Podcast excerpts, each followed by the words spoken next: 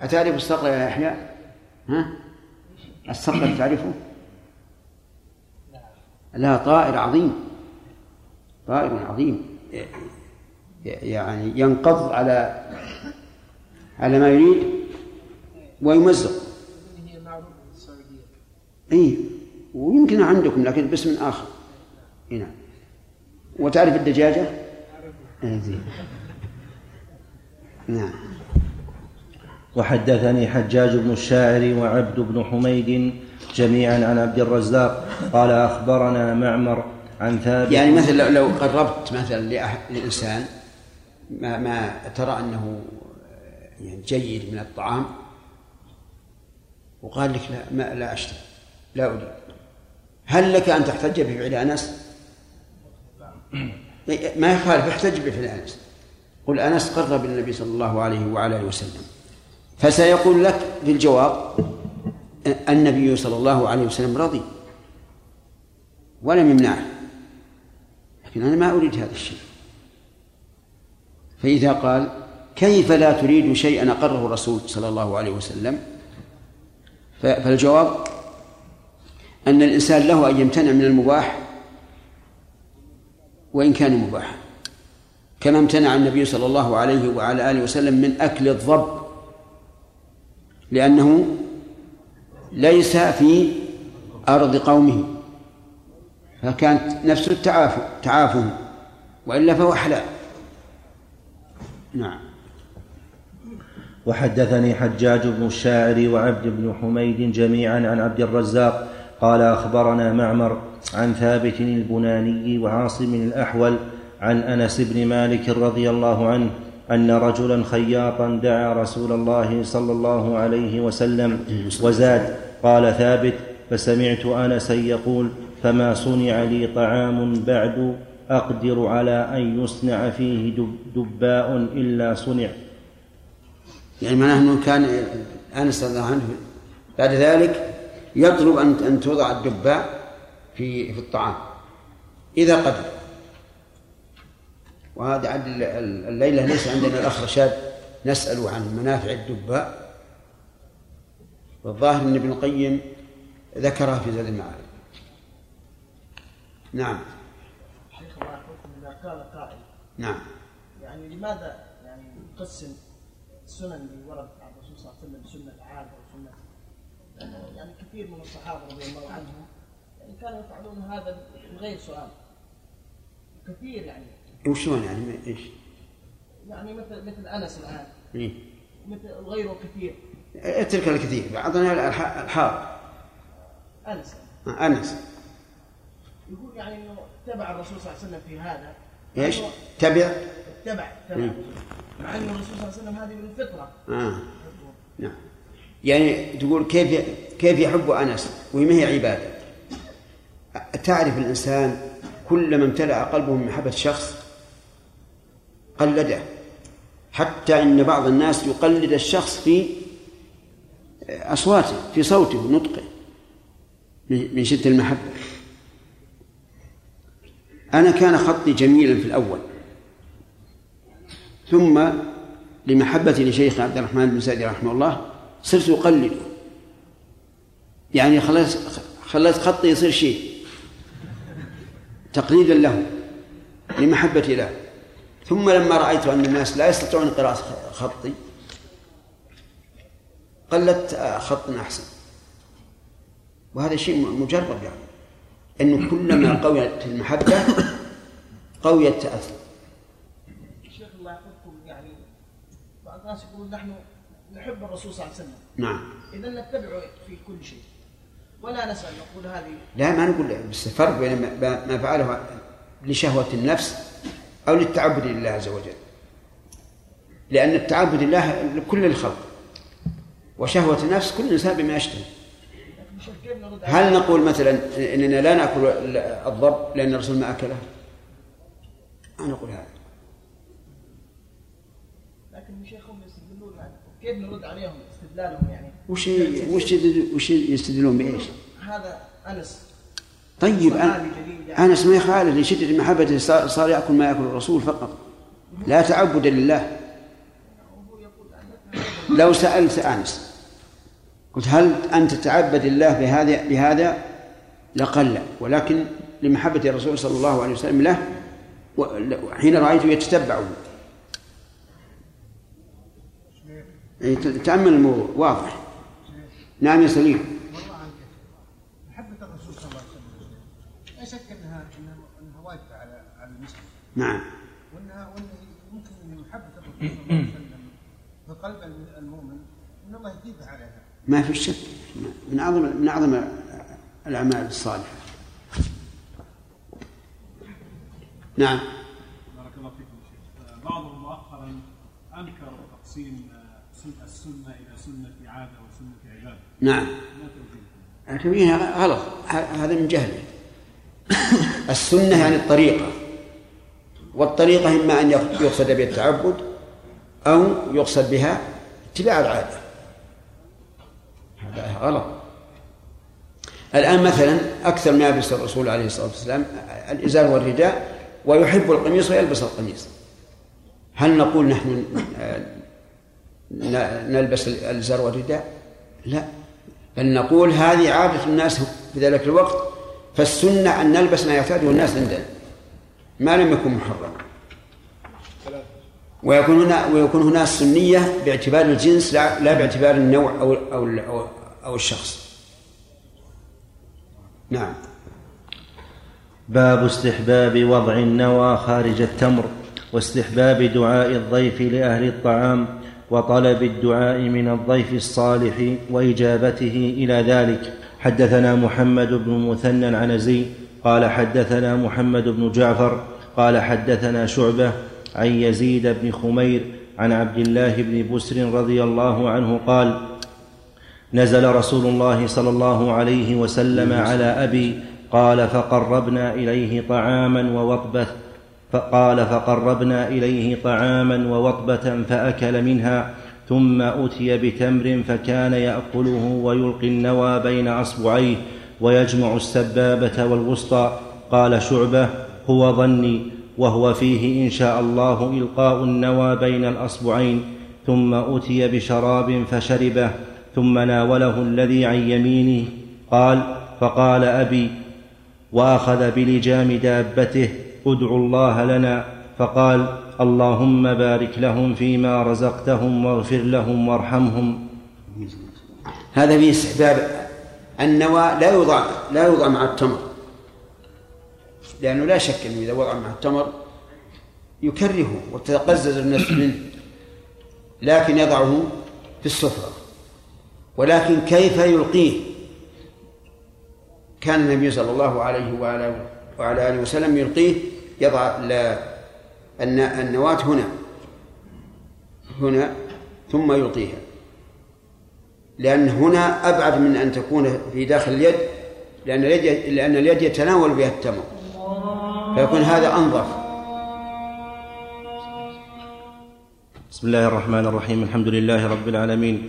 صلى الله وسلم وبارك على عبده ورسوله نبينا محمد وعلى آله وأصحابه وأتباعه بإحسان إلى يوم الدين. قال الإمام مسلم رحمه الله تعالى في كتاب الأشربة في باب استحباب وضع النوى خارج التمر. وحدثنا محمد بن بشار قال حدثنا ابن أبي عدي حاء وحدثنيه محمد بن المثنى قال حدثنا يحيى بن حماد كلاهما عن شعبة بهذا الإسناد ولم يشكا في إلقاء النوى بين الأصبعين.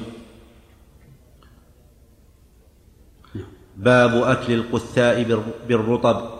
حدثنا يحيى بن يحيى التميمي وعبد الله بن عون الهلالي قال يحيى أخبرنا وقال ابن عون حدثنا إبراهيم بن سعد عن أبيه عن عبد الله بن جعفر رضي الله عنه قال رأيت رسول الله صلى الله عليه وسلم يأكل القثاء بالرطب. باب استحباب تواضع الآكل وصفة قعوده. حدثنا أبو بكر بن أبي شيبة وأبو سعيد الأشج كلاهما عن حفص. قال أبو بكر حدثنا حفص بن غياث عن عن عن مصعب بن سليم قال حدثنا أنس بن مالك رضي الله عنه قال رأيت النبي صلى الله عليه وسلم مقعيا يأكل تمرا. وحدثنا زهير بن حرب وابن أبي وابن الإقعاء الإقعاء أن ينصب قدميه ويجلس على عقبيه. يعني كأنما يريد أن أن أن يقوم. وهذه الجلسة غير معروفة عندنا لأن أكثر الناس لا لا يعرفونها. أكثر الناس يفترش اليسرى وينصب الفخذ فخذ اليمنى. وبعضهم يتربع. وأما ما ذكر في الحديث فقليل من من يستعمله. وفيه أيضا بعض المشقة لأن الإنسان إذا اتكع على العقب ربما تؤلمه الأصابع. في شرح. قوله رأيت رسول الله صلى الله عليه وسلم يأكل مقع مقعيا يأكل تمرا. وفي الرواية الأخرى أتي بتمر فجعل النبي صلى الله عليه وسلم يقفز يقسمه وهو محتفز يأكل منه أكلا ذريعا. يقسمه وهو؟ محتفز. نعم. يأكل منه أكلا ذريعا. وفي رواية أكلا حثيثا. قوله مقعيا أي جالسا على إليتيه ناصبا ساقيه. ومحتفز هو بالزاي أي مستعجل مستوفز التفسير هذا. فسر أن ينصب الفخذين والساقين ويجلس على الألية المعروف أن الإقعاء ما, ما ذكرناه أولا. ما في شرح ثاني. هم تكلموا على الحديث أنه صلى الله عليه وسلم أكل مقعيا. يقول قال أبو عبيد في غريب الحديث في مادة قاع. وأما الإقعاء فهو الذي جاء فيه النهي عن النبي صلى الله عليه وسلم أن يفعل في الصلاة فقد اختلف الناس فيه فقال أبو عبيدة هو أن يلصق أليتيه بالأرض وينصب ساقيه ويضع هو هو أن يضع؟ هو أن يلصق أليتيه بالأرض نعم. وينصب ساقيه ويضع يديه بالأرض. وأما تفسير الفقهاء فهو أن يضع أليتيه على عقبيه بين السجدتين شبيه بما يروى عن العبادلة عبد الله بن عباس وعبد الله بن عمر وعبد الله بن الزبير رضي الله عنهم. قال أبو عبيد وقول أبي عبيدة أشبه بكلام العرب وهو معروف عند العرب. وذلك بين في بعض الحديث أنه نهى أن يقعي الرجل كما يقعي السبع ويقال كما يقعي الكلب فليس الإقعاء في السباع إلا كما قال أبو عبيدة. قال أبو عبيد وقد روي عن النبي صلى الله عليه وسلم أنه أكل مرة مقعيا فكيف يمكن أن يكون فعل هذا وهو واضع أليتيه على عقبيه؟ وفي النهاية في مادة قعا فيه أنه صلى الله عليه وسلم نهى عن الإقعاء في الصلاة وفي رواية نهى أن يقعي الرجل في الصلاة والإقعاء أن يلصق الرجل أليتيه بالأرض وينصب ساقيه وفخذيه ويضع يديه على الأرض كما يقعي الكلب. وقيل أن يضع أليتيه على عقبيه بين السجدتين والقول الأول أن يضع أن يضع أليتيه على عقبيه بين السجدتين نعم. والقول الأول. ومنه الحديث أنه صلى الله عليه وسلم أكل مقعيا أراد أنه كان يجلس عند الأكل على وركيه مستوفزا غير متمكن. ونقل النووي في المجموع عن الإمام أحمد أن أهل مكة يستعملون الإقعاء.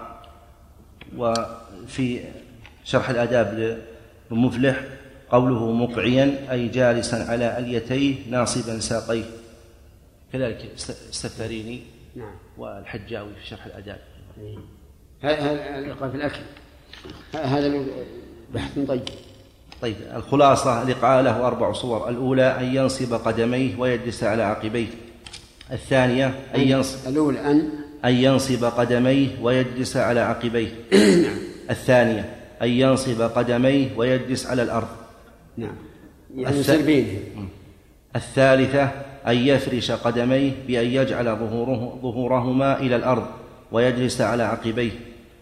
فسره الإمام أحمد وهو قول أهل الحديث قاله في شرح المنتهى. الرابعة أن يجلس على أليتيه ناصبا فخذيه. قال أبو عبيد وهذا عند العرب. المهم الإيقاع في الأكل هو أن يجلس على اليتيه وينصب ساقه هكذا فسر مثل المبوبز يعني. إيش؟ مثل اللي يبوبز البوز إيه. إيه نعم.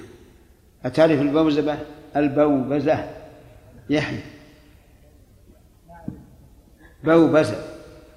يبوبز. بوبزة. تعرفها؟ الجلوس لقضاء الحاجة. كالجلوس لقضاء الحاجة. على غير الف- الفرنجي. ليس فيها تشبها ليش؟ هذه أن يجلس على اليتين وينصب وينصب ساقيه نعم. تشبه كما قال. لا هذا إذا وضع يديه على الأرض في تشبه. لكن إذا عندما يأكل سيأكل ويضع يديه في الصحن. يد واحدة. هو كت- كل ثنتين نعم. كيف ينزلني شوي.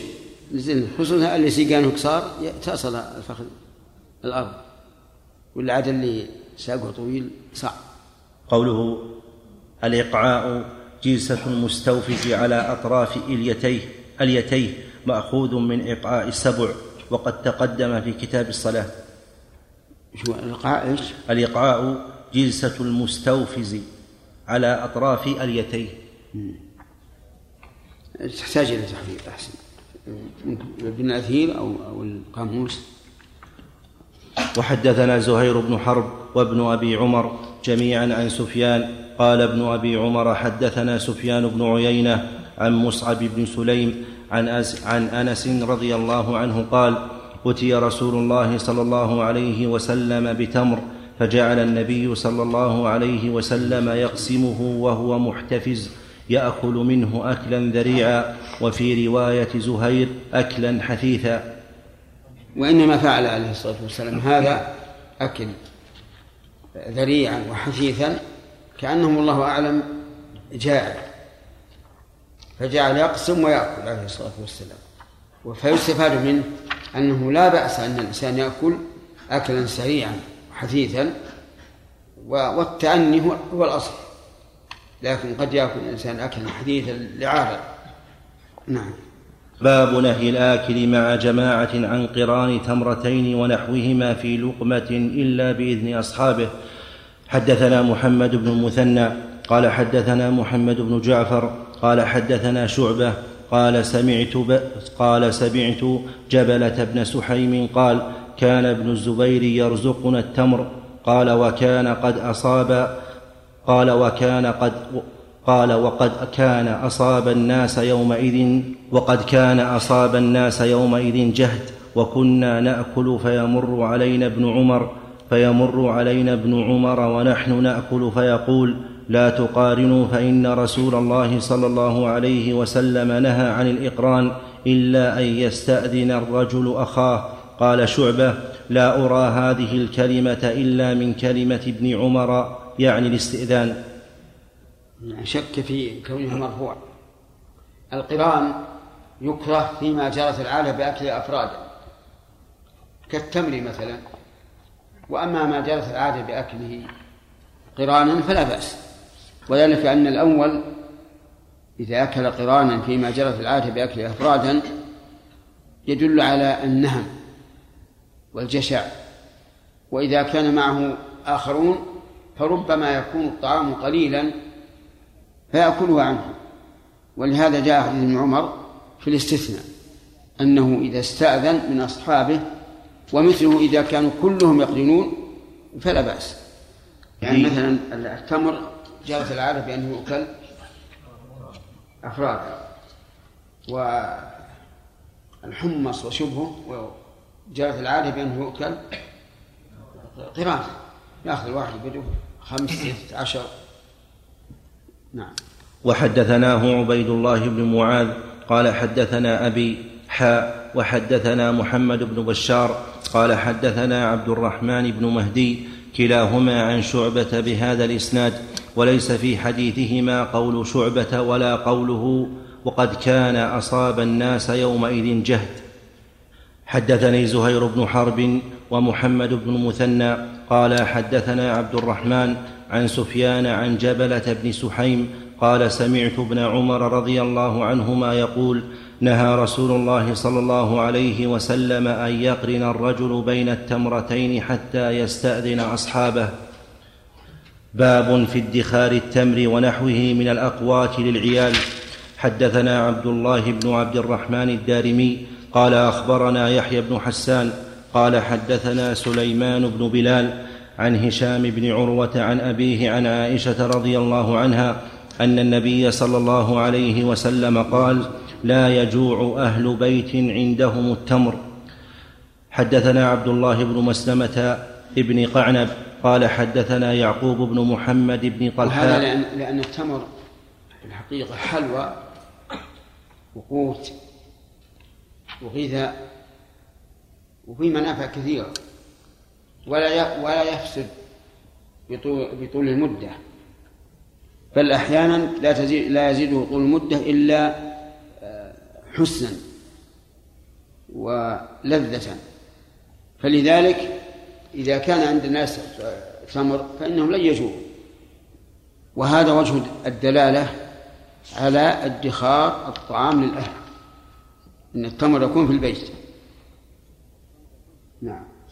حدثنا عبد الله بن مسلمة بن قعنب قال حدثنا يعقوب بن محمد ابن طحلاء عن أبي الرجال محمد بن عبد الرحمن عن أمه عن عائشة قالت عن عائشة رضي الله عنها قالت قال رسول الله صلى الله عليه وسلم يا عائشة بيت لا تمر فيه جياع أهله. يا عائشة بيت لا تمر فيه جياع أهله أو جاع أهله. قالها مرتين أو ثلاثا هذا تصريح بالمفهوم من الحديث السابق. نعم. باب فضل تمر المدينة. حدثنا عبد الله بن مسلمة بن قعنب قال حدثنا سليمان يعني ابن بلال عن عبد الله بن عبد الرحمن عن عامر بن سعد بن أبي وقاص عن أبيه رضي الله عنه أن رسول الله صلى الله عليه وسلم قال من أكل سبع تمرات مما بين لابتيها حين يصبح لم يضره سم حتى يمسي. وهذا الحديث عام يشمل كل تمر المدينة سواء كان عجوة أم غير عجوة. إذا تصبح بسبع تمرات فإنه لا يصيبه سم ولا سحر وهل يتناول هذا جميع التمر. قال بعض العلماء إنه يتناول جميع التمر في كل مكان. وكان شيخنا عبد الرحمن رحمه الله يميل إلى هذا. وخصه بعض العلماء بتمر المدينة فقط. نعم. حدثنا أبو بكر بن أبي شيبة قال حدثنا أبو أسامة عن, عن هاشم بن هاشم قال سمعت عامر بن سعد بن أبي وقاص رضي الله عنه يقول سمعت سعدا يقول سمعت رسول الله صلى الله عليه وسلم يقول من تصبح بسبع تمرات عجوة لم يضره ذلك اليوم سم ولا سحر. وحدثناه ابن أبي عمر قال حدثنا مروان بن معاوية الفزاري حاء وحدثناه إسحاق بن إبراهيم. الأول عام وهذا بالعجوة.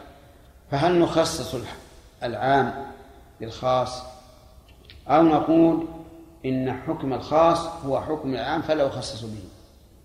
الجواب الثاني هذا الذي عليه الجمهور كما ذكره الشنقيطي رحمه الله في تفسيره على أنه إذا ذكر فرد من أفراد العام بحكم لا يخالف العام فإنه لا لا يكون تخصيصا. نعم. وحدثناه ابن أبي عمر قال حدثنا مروان بن معاوية الفزاري وحدثناه وحدثناه وحدثناه إسحاق بن إبراهيم. قال أخبرنا أبو بدر أبو بدر شجاع بن الوليد كلاهما عن هاشم بن هاشم بهذا الإسناد عن النبي صلى الله عليه وسلم مثله ولا يقولان سمعت النبي صلى الله عليه وسلم. وحدثنا يحيى بن يحيى ويحيى بن أيوب وابن حجر قال يحيى بن يحيى أخبرنا وقال الآخران حدثنا إسماعيل وهو ابن جعفر عن شريك وهو ابن أبي نمر عن عبد الله بن أبي عتيق عن عائشة رضي الله عنها أن رسول الله صلى الله عليه وسلم قال إن في عجوة العالية شفاء أو إنها ترياق ترياق أول البكرة. ترياق يعني الدواء. وأول البكرة يعني أول النهار. نعم. باب فضل الكمأة ومداواة العين بها. حدثنا قتيبة بن سعيد قال حدثنا جرير حاء وحدثنا إسحاق بن إبراهيم قال أخبرنا جرير وعمرو بن عبيد عن عبد الملك بن عمير عن عمرو بن حريث عن سعيد بن زيد بن, عمرو بن نفيل قال سمعت النبي صلى الله عليه وسلم يقول يقول الكمأة من المن وماؤها شفاء للعين. الكمأة هي نبات أرضي مستتر في الأرض يكون في أيام الأمطار بكثرة وله أسماء. الكمأة والعساقل وبنات أوبر كما قال الشاعر ولقد جنيتك أكمؤا وعساقلا ولقد نهيتك عن بنات الأوبر. ويسمى عندنا في اللغة العامية يسمى الفقع والأوبر يسمى هوبر. هذه الكمة يقول الرسول صلى الله عليه وعلى آله وسلم إنها من المن وليس المراد المن الذي كان ينزل على بني إسرائيل بل المراد المن أي مما يأتي بدون تعب ولا مشقة. لأنك إذا أتيت الأرض المفقعة وجدتها قد حملت القشرة وتأخذها بس بيدك بدون أي مشقة. وماؤها شفاء للعين. كيف ماؤها؟ هي في الحقيقة ليس لها ماء لكنها ندية فهل المراد أنها تعصر؟ الظاهر لا. لأنك لو لو عصرتها لم تستفد من مائها. لأنها ليست رطبة بحيث أن الإنسان إذا عصرها نقطت. لكن ذكر لنا جد مؤذن هذا المسجد قال إن نشويها. وإذا شويت ارتخت. فإذا ارتخت وعصرت ظهر منها الماء. وقال إن جربناها مرارا ووجدنا أنها أن الله يشفي بها العين. هذا وهذا هو ظاهر الحديث أن ماءها شفاء العين. وقيل إن المراد بمائها المطر. يعني الماء الذي تنبت به. لكن هذا بعيد من الله. وهي من جهة الأكل لذيذة جدا. والناس يجنونها. ويبيعونها بغالي الثمن خصوصا إذا كانت قليلة. نعم. وحدثنا محمد بن مثنى قال حدثنا محمد بن جعفر قال حدثنا شعبة عن عبد الملك بن عمير قال سمعت عمرو بن حريث قال سمعت سعيد بن زيد قال سمعت رسول الله صلى الله عليه وسلم يقول الكمأة من المن وماؤها شفاء للعين. وحدثنا محمد بن المثنى قال حدثني محمد بن جعفر قال حدثنا شعبة قال وأخبرني الحكم بن عتيبة عن الحسن عن الحسن العرني عن عمرو بن حريث عن سعيد بن زيد عن النبي صلى الله عليه وسلم عن النبي صلى الله عليه وسلم قال شعبة لما حدثني به الحكم لم, لم أنكره من حديث عبد الملك. حدثنا سعيد بن عمرو الأشعثي قال أخبرنا عبثر عن مطرف عن الحكم عن الحسن عن عمرو بن حريث عن سعيد بن زيد عن سعيد بن زيد بن عمرو بن نفيل قال قال رسول الله صلى الله عليه وسلم الكمأة من المن الذي أنزل الله تبارك وتعالى على بني إسرائيل وماؤها شفاء للعين. هذا الحديث يدل أنها منه لكن هل هي من نوعه أو من جنسه هل هي من نوعه بمعنى إن أنه نزل على بني إسرائيل الكمأة أو من جنسه من أنه أنهم يحصلون عليه بدون هذا هو الأقرب. نعم. عندك فيها شيء؟ يقول وظاهر هذا اللفظ أنها مما أنزل الله على بني إسرائيل مما خلقه الله تعالى لهم في في التيه وذلك أنه كان كانوا ينزل عليهم في أشجارهم مثل السكر ويقال هو الطرنجبين وهو المن في قول أكثر المفسرين وعلى ظاهر هذا الحديث تكون الكمأة أيضا مما خلق لهم في مواضع نزولهم. وقيل الكمء من المن بمعنى يشبهه من حيث أن الكمأة تطلع من عند الله تعالى من غير كلفة منا ببذل ولا حرث ولا سقي كما أن المن ينزل عليهم عفوا من غير سبب منهم. هذا هو الظاهر. الظاهر إنه من جنسه يعني وليس وليس من نوعه. نعم. وحدثنا إسحاق بن إبراهيم قال أخبرنا جرير عن مطرف عن الحكم بن عتيبة عن الحسن العرني عن عمرو بن حريث عن سعيد بن زيد عن النبي صلى الله عليه وسلم قال الكمأة من المن الذي أنزل الله على موسى وماؤها شفاء للعين. حدثنا ابن أبي عمر قال حدثنا سفيان عن عبد الملك بن عمير قال سمعت عمرو بن سمعت عمرو بن حريث يقول قال سمعت سعيد بن زيد يقول قال رسول الله صلى الله عليه وسلم الكمأة من المن الذي أنزل الله عز وجل على بني إسرائيل وماؤها شفاء للعين.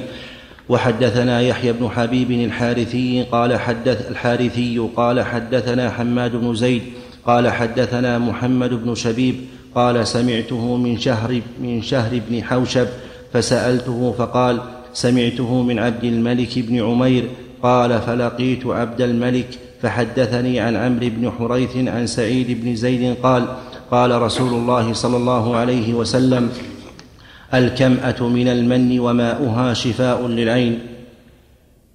باب فضيلة الأسود من الكباث. حدثني أبو الطاهر قال أخبرنا عبد الله بن وهب عن يونس عن ابن شهاب عن أبي سلمة بن عبد الرحمن عن جابر بن عبد الله رضي الله عنهما قال كنا مع النبي صلى الله عليه وسلم بمر الظهران ونحن نجني الكباث فقال النبي صلى الله عليه وسلم عليكم بالأسود منه قال فقلنا يا رسول الله كأنك رأيت الغنم. قال نعم وهل من نبي إلا وقد رعاها أو نحو هذا من القول؟ الكباث هو لا شك أنه نبت لكننا لا نعرفه. يقول قال أهل اللغة هو النضيج من ثمر الأراك. النضيج من ثمر الأراك. يعني شجره مساويه والنضيج الظاهر إذا نضج أسود. ولهذا قال النبي صلى الله عليه وعلى آله وسلم عليكم بالأسود منه. لأنه يكون ناضجا. والغالب أن الثمر إذا كان ناضجا يكون سهل الهضم ولا يتعب المعده بخلاف ما إذا كان لم ينضج.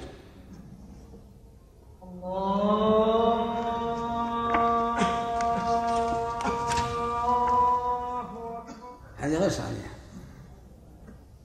لا يلزم أن السني لا يتداوى إلا بالأعشاب. يتداوى بالأعشاب وبالمصنوعات. وهذه المصنوعات هي من الأعشاب لكنها صنعت على وجه معين يرون أنه أنفع وأحفظ لها إذا بقيت مدة طويلة. ولا هي هي؟ نعم. نعم. نعم. أي هكذا. في صعوبة.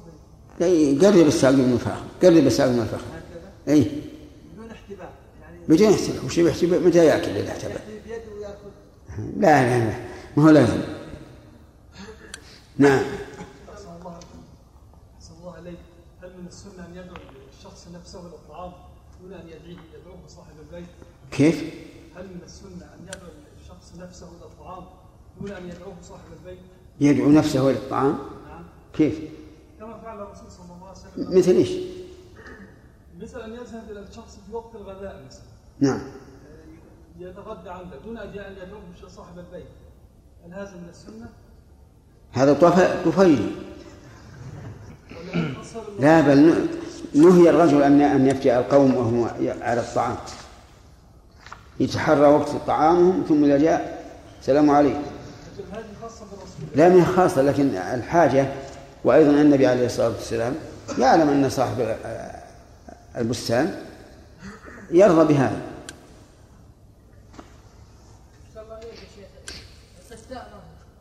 القثاء يسمى عندنا خربز أظن. تعرف الخربز؟ ويسمى عندنا إحنا في لغة القصيم الجلو. نعم. ولا مشاحة في اللغة. طيب. نعم.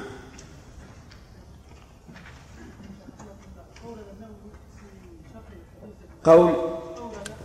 ها؟ إيش؟ نعم. نعم. شرب؟ شرب. منين؟ ها شرب بول النبي. لا ما هو بصحيح. ولا يمكن. أقول هذا لا يمكن. النبي عليه الصلاة والسلام أليس يستنجي من البول ويستجمر؟ لأنه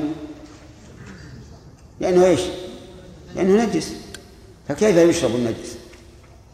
بسم الله الرحمن الرحيم الحمد لله رب العالمين وصلى الله وسلم وبارك على عبده ورسوله نبينا محمد وعلى آله وأصحابه أجمعين قال الإمام مسلم رحمه الله تعالى في كتاب الأشربة باب فضيلة الخل والتأدم به حدثني عبد الله بن عبد الرحمن الدارمي قال أخبرنا يحيى بن حسان قال أخبرنا سليمان بن بلال عن هشام بن عروة عن أبيه عن عائشة رضي الله عنها أن النبي صلى الله عليه وسلم قال نعم الأدم أو الايدام الخل. الحمد لله رب العالمين. الخل هو أن يوضع التمر في الماء ويبقى ليلة أو أو ليلتين فيمتص ما في الماء من الأذى ويكسب الماء حلاوة. أشبه ما له الآن الشاهي فإنه شبه الخل والإنسان يعتدم به كثيرا ولا سيما في بعض أنواع الخبز التي إذا غمسها شالت نصف الفنجان هذا يعتدم به ونعم الإدام. لكن الخل لما كان طبيعيا كان أفضل. وفي هذا الحديث دليل على الثناء على المأكولات وأنه ليس الثناء خاصا بالعاقل بل حتى بالجماد. لك أن تثني عليه. نعم. وحدثناه موسى بن قريش بن نافع التميمي قال حدثنا يحيى, يحيى بن صالح الوحاضي قال حدثنا سليمان بن بلال بهذا الإسناد وقال نعم الأدم ولم يشك حدثنا يحيى بن يحيى قال أخبرنا أبو عوانة عن أبي بشر عن أبي سفيان عن جابر بن عبد الله رضي الله عنهما أن النبي صلى الله عليه وسلم سأل أهله الأدم فقالوا ما عندنا إلا خل فدعا به فجعل يأكل به ويقول نعم الأدم الخل نعم الأدم الخل. اللهم صل وسلم. قال ثناء النبي صلى الله عليه وعلى آله وسلم عليه. لأن اهله كأنهم استقلوه وقالوا ليس عندنا إلا خل فأراد أن يرفع من شأنه وقال نعم الأدوم الخل. فيؤخذ منه أن الإنسان إذا لم يجد عند أهله إلا شيئا دون ما في نفسه فإن الأولى أن يثني على هذا الشيء تطييبا لقلب الأهل. نعم. حدثني يعقوب بن إبراهيم الدورقي قال حدثنا إسماعيل يعني ابن علية عن المثنى بن سعيد قال حدثني طلحة بن نافع أنه سمع جابر بن عبد الله رضي الله عنهما يقول أخذ رسول الله صلى الله عليه وسلم بيده ذات يوم إلى منزله فأخرج إليه فلقا من خبز فقال ما من أدم؟ فقال ما من أدم؟ فقالوا لا إلا شيء من خل. قال فإن الخل نعم الأدم. قال جابر فما زلت أحب الخل منذ سمعتها من نبي الله صلى الله عليه وسلم. وقال طلحة ما زلت أحب الخل منذ سمعتها من جابر رضي الله عنه. حدثنا نصر بن علي الجهضمي قال حدثني أبي قال حدثنا المثنى بن سعيد عن طلحة بن نافع قال حدثنا جابر بن عبد الله رضي الله عنهما أن رسول الله صلى الله عليه وسلم أخذ بيده إلى منزله بمثل حديث ابن علية إلى قوله فنعم الأدم الخل ولم يذكر ما بعده. وحدثنا أبو بكر بن أبي شيبة قال حدثنا يزيد بن هارون قال أخبرنا حجاج حجاج حجاج بن أبي زينب قال حدثني أبو سفيان طلحة بن نافع قال سمعت جابر بن عبد الله رضي الله عنهما قال كنت جالسا في داري فمر بي رسول الله صلى الله عليه وسلم فأشار إلي فقمت إليه فأخذ بيدي فانطلقنا حتى أتى بعض حجر نسائه فدخل ثم أذن لي فدخلت الحجاب عليها فقال هل من غذاء؟ فقالوا نعم فأتي بثلاثة أقرصة فوضعن على نبي فأخذ رسول الله صلى الله عليه وسلم قرصا فوضعه بين يديه وأخذ قرصا آخر فوضعه بين يديه ثم أخذ الثالث فكسره باثنين فجعل نصفه بين يديه ونصف ونصفه بين يديه ثم قال هل من أدم؟ قالوا لا إلا شيء من خل. قال هاتوه فنعم الأدم هو. في هذا دليل على استصحاب من يشاء من أصحابه إلى البيت. وفيه أيضا دليل على تواضع النبي صلى الله عليه وعلى آله وسلم حيث أن إنه أخذ القرص فبدأ بنفسه ثم أعطى جابرا ثم أخذ القرص الثالث فكسره نصفين فأخذ النصف وأعطى جابرا النصف. فإن قال قائل هذه العادة قد تستغرب عندنا لأن العادة أن صاحب البيت لا يبدأ بنفسه وإنما يبدأ بالضيف. قلنا هذه عادة لكن العادة النبوية أفضل. تبدأ بنفسه. وفيه أيضا دليل على مشاركة الرجل لضيوفه.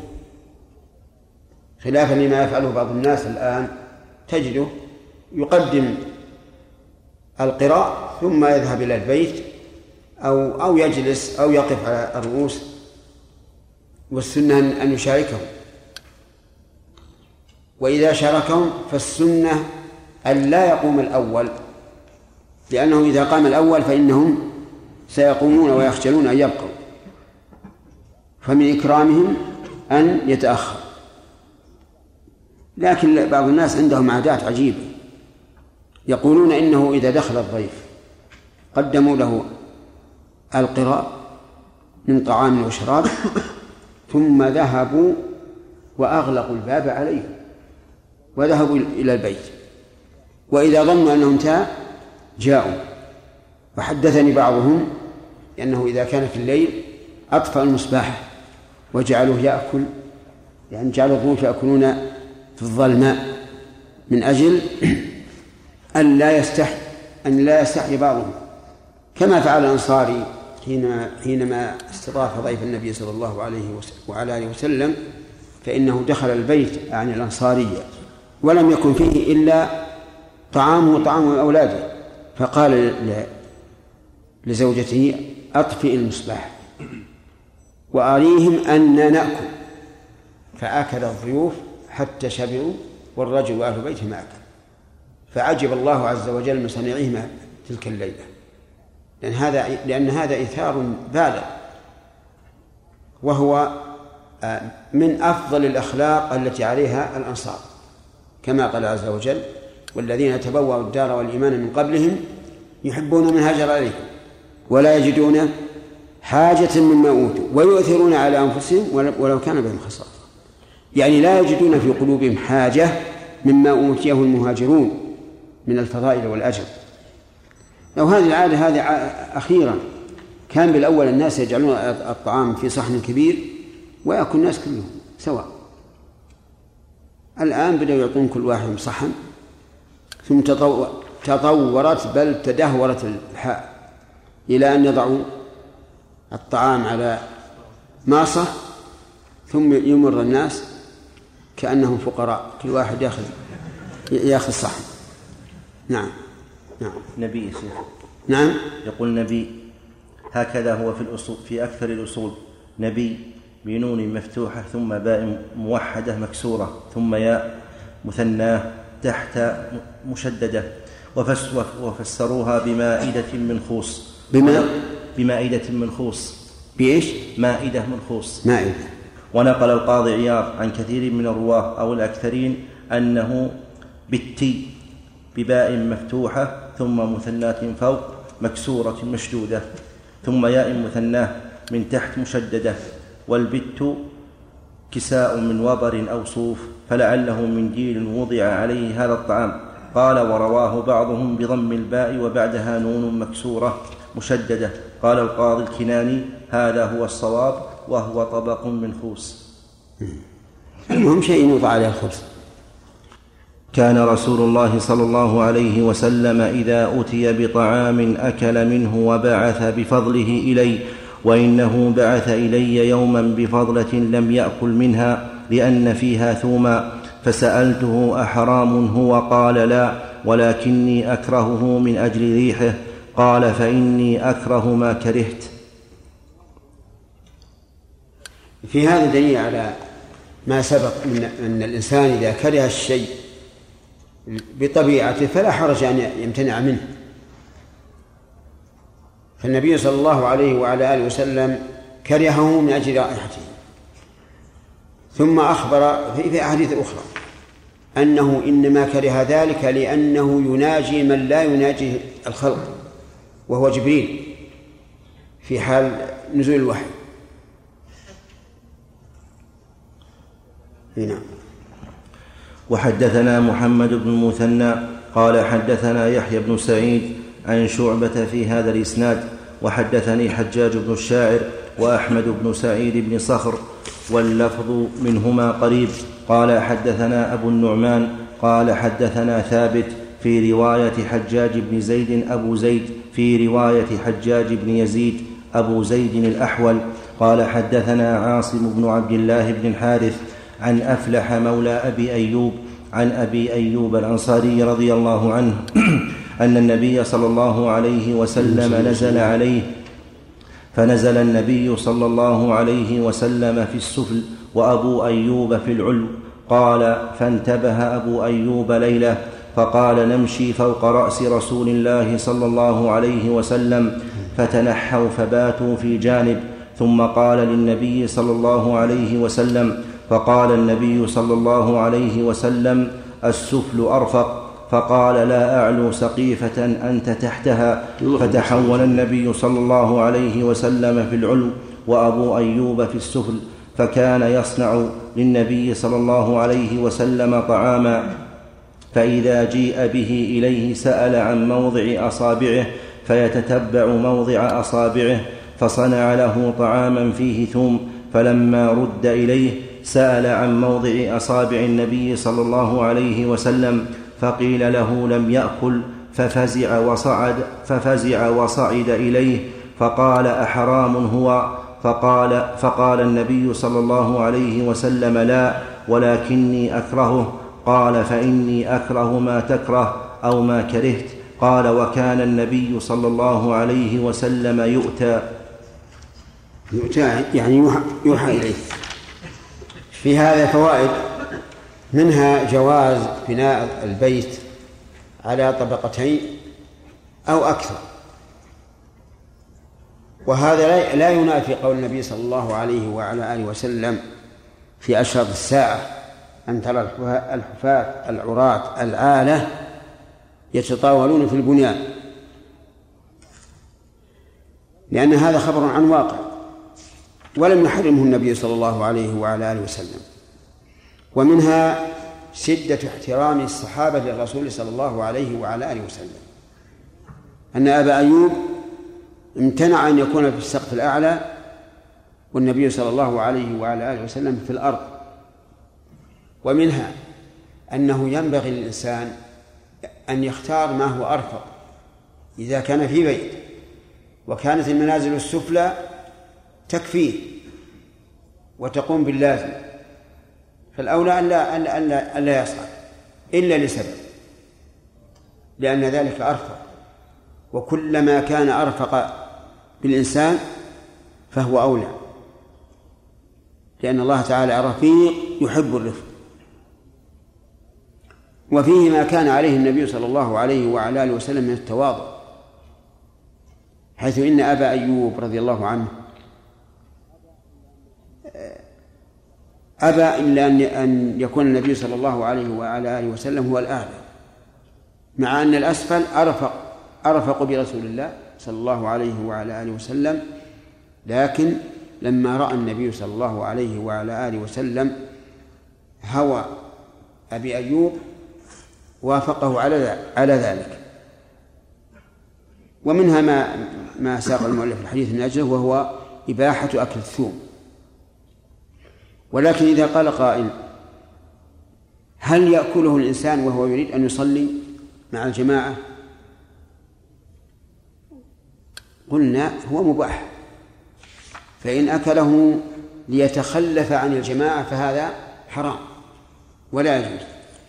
وإن أكله لأنه صادف أكله في هذا الوقت فلا حرج عليه وحينئذ نقول لا تصلي في المسجد. رفقا به أو دفعا لأذاه. دفعا لأذاه. لأن النبي صلى الله عليه وعلى آله وسلم أخبر أن الملائكة تتأذى مما يتأذى منه الإنسان. وهذا يدل على أنه لا يدخل المسجد لا وقت الجماعة ولا إذا لم يكن فيه جماعة. إلى متى؟ إلى أن يذهب الريح. الريح بالبصل يذهب قريبا. لكن في الثوم لا يذهب قريبا. بل إن الثوم إذا عرق الإنسان شمت الرائحة من العرق لأنه شديد. فإن قيل هل يمكن أن يذهب ريحهما مع بقاء النفع؟ فالجواب نعم. وذلك بالطبخ. إذا طبخ فالنفع باقي ولكن والرائحة تزول ولهذا قال عمر من أراد أن يأكلهما فليمتهما طبخا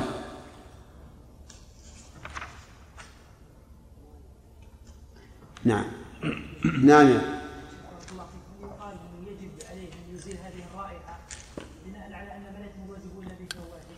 بناء إيش؟ إيه؟ لا أظن ذلك. ما دام لم يأكلها لإسقاط الجماعة فلا فلا أظن. ثم ما أدري الآن هل وجد مثل شيء يزيل الرائحة ذي نعم. نعم. في الصيدليات ها؟ تباع في الصيدليات. يذهبوا؟ إي نعم يذهب حبات صغيرة تؤكل بعد بعد أكل بعد أكل التمر والبصل تذهب برائحته تماما. زي طيب. هذا لا الهيل ما ينفع. الهيل وكذلك ما قيل من الجريد الأخضر يعلكه الإنسان وتذهب الرائحة ما هو صحيح. وليد. أحيانا يعني يعني. إيه. هل نقول هذا يعني يرفع؟ لا، هو في الغالب يعني. في الغالب لأنه لأنه أحيانا يكون بعض الناس شمه قوي. يشم الرائحة من بعيد.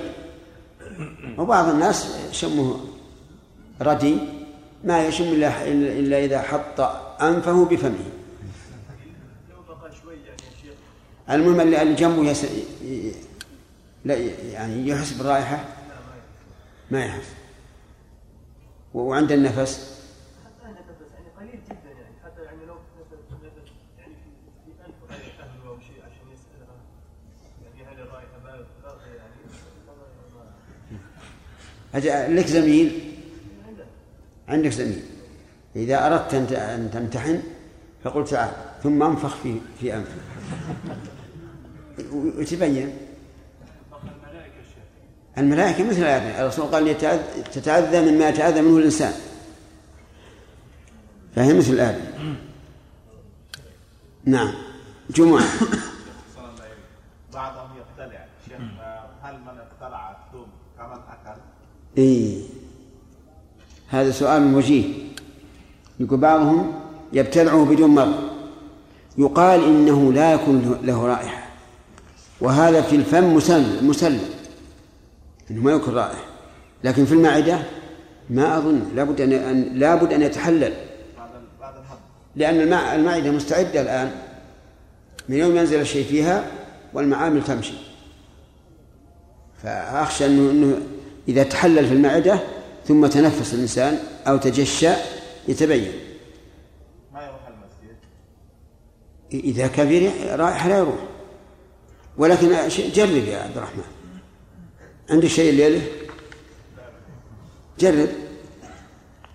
ابلع وحدة؟ بلع. وشف إن شاء الله. وغدا تخبرنا إن شاء الله. طيب. باب إكرام الضيف وفضل إيثاره. حدثنا زهير بن حرب قال حدثنا جرير بن عبد الحميد عن فضيل بن غزوان عن أبي حازم الأشجعي عن أبي هريرة رضي الله عنه قال جاء رجل إلى رسول الله صلى الله عليه وسلم فقال إني مجهود.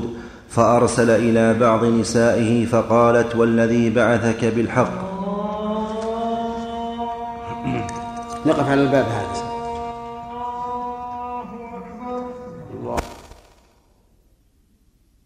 على عبده ورسوله نبينا محمد وعلى آله وأصحابه أجمعين. قال الإمام مسلم رحمه الله تعالى في كتاب الأشربة باب إكرام الضيف وفضل إيثاره. حدثني زهير بن حرب قال حدثنا جرير قال حدثنا جرير بن عبد الحميد عن فضيل بن غزوان عن أبي حازم الأشجعي عن أبي هريرة رضي الله عنه قال جاء رجل إلى رسول الله صلى الله عليه وسلم فقال إني مجهود. فأرسل إلى بعض نسائه فقالت والذي بعثك بالحق ما عندي إلا ماء ثم أرسل إلى أخرى فقالت مثل ذلك. حتى قلن كلهن مثل ذلك. لا والذي بعثك بالحق ما عندي إلا ماء فقال من يضيف هذا الليلة رحمه الله؟ فقام رجل من الأنصار فقال أنا يا رسول الله. فانطلق به إلى رحله فقال لامرأته هل عندك شيء؟ قالت لا إلا قوت صبياني قال فعلليهم فعلليهم بشيء فإذا دخل ضيفنا فاطفئ السراج وأريه أنا نأكل. فإذا أهوى ليأكل فقومي إلى السراج فاطفئ فقومي إلى السراج حتى تطفئيه. قال فقعدوا وأكل الضيف. فلما أصبح غدا على النبي صلى الله عليه وسلم فقال قد عجب الله من صنيعكما بضيفكما الليلة.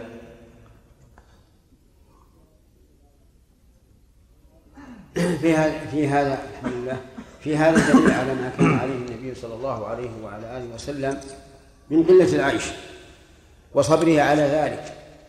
ولقد كان صلى الله عليه وسلم يعطي عطاء من لا يخشى الفاقة وهو عليه الصلاة والسلام أكرم الخلق.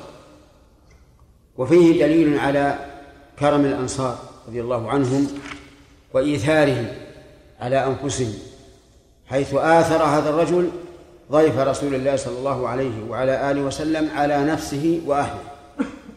وفيه دليل على جواز التورية لكن بشرط أن يكون على وجه مباح.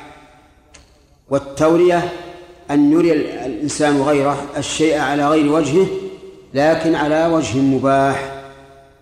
ويسمى هذا عند أهل العلم التأويل. يكون في الأيمان وغيرها وقد وقد قال عمر فيما أظن إن في التأويل لمندوحة عن الكذب. يعني الإنسان يستطيع إذا كان عنده علم بالتأويل وهو أن يريد بلفظه ما يخالف ظاهره مندوح عن الكذب. فمثلا لو أن أحدا استأذن عليك وقلت لأهلك إذا استأذن أحد علي فقولوا ليس فيه فلان ليس فيه ونو حجرة معينة من البيت. فهذا جائز. والمستأذن يحسب أنه ليس في البيت أبدا. ليس موجودا في البيت. هذا لا بأس به. ويقال إن رجلا سأل في حلقة الإمام أحمد رحمه الله عن المروذي فقال ليس المروذي ها هنا ويشير إلى راحته. وما يصنع المروذي ها هنا؟ فانصرف الرجل مع أن المروذي كان مع الطلبة. فهذا من باب التأويل. وهل يجوز التأويل أو لا يجوز؟ هذا على ثلاثة أقسام. الأول أن يكون الإنسان ظالما فلا ينفعه التأويل ولا يحل له التأويل. الثاني أن يكون مظلوما فالتأويل في حقه جائز وينفعه. الثالث لا هذا ولا هذا فمختلف فيه.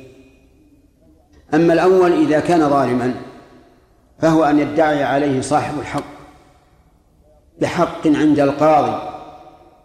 ويقول والله ما له عندي درهم. وينوي بما؟ اسم الموصول. يعني الذي الذي له عندي درهم.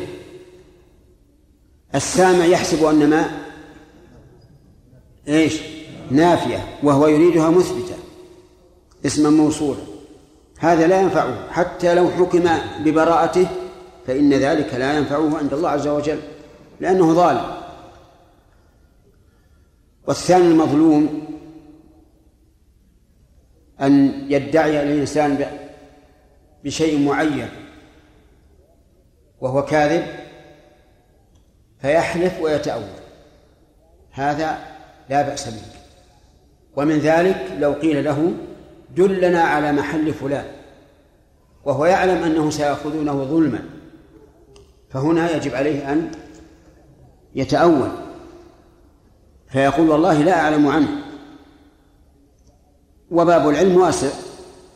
يعني مثل لا أعلم عنه أنائم هو أم يقظان أواقف أم قاعد أفي البيت أم في السوق.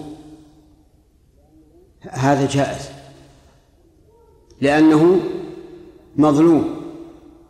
وكذلك لو قيل له هذه المرأة ليست زوجته وهي زوجته. فتأول وقال والله ليست زوجتي ويريد ليس ليست زوجتي قبل العقد عليها.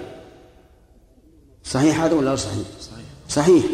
لكنه مظلوم. أما من ليس ظالما ولا مظلوما فاختلف العلماء في جواز التأويل فبعضهم قال إنه جائز وبعضهم قال إنه جائز غير جائز والأقرب أنه ليس بجائز.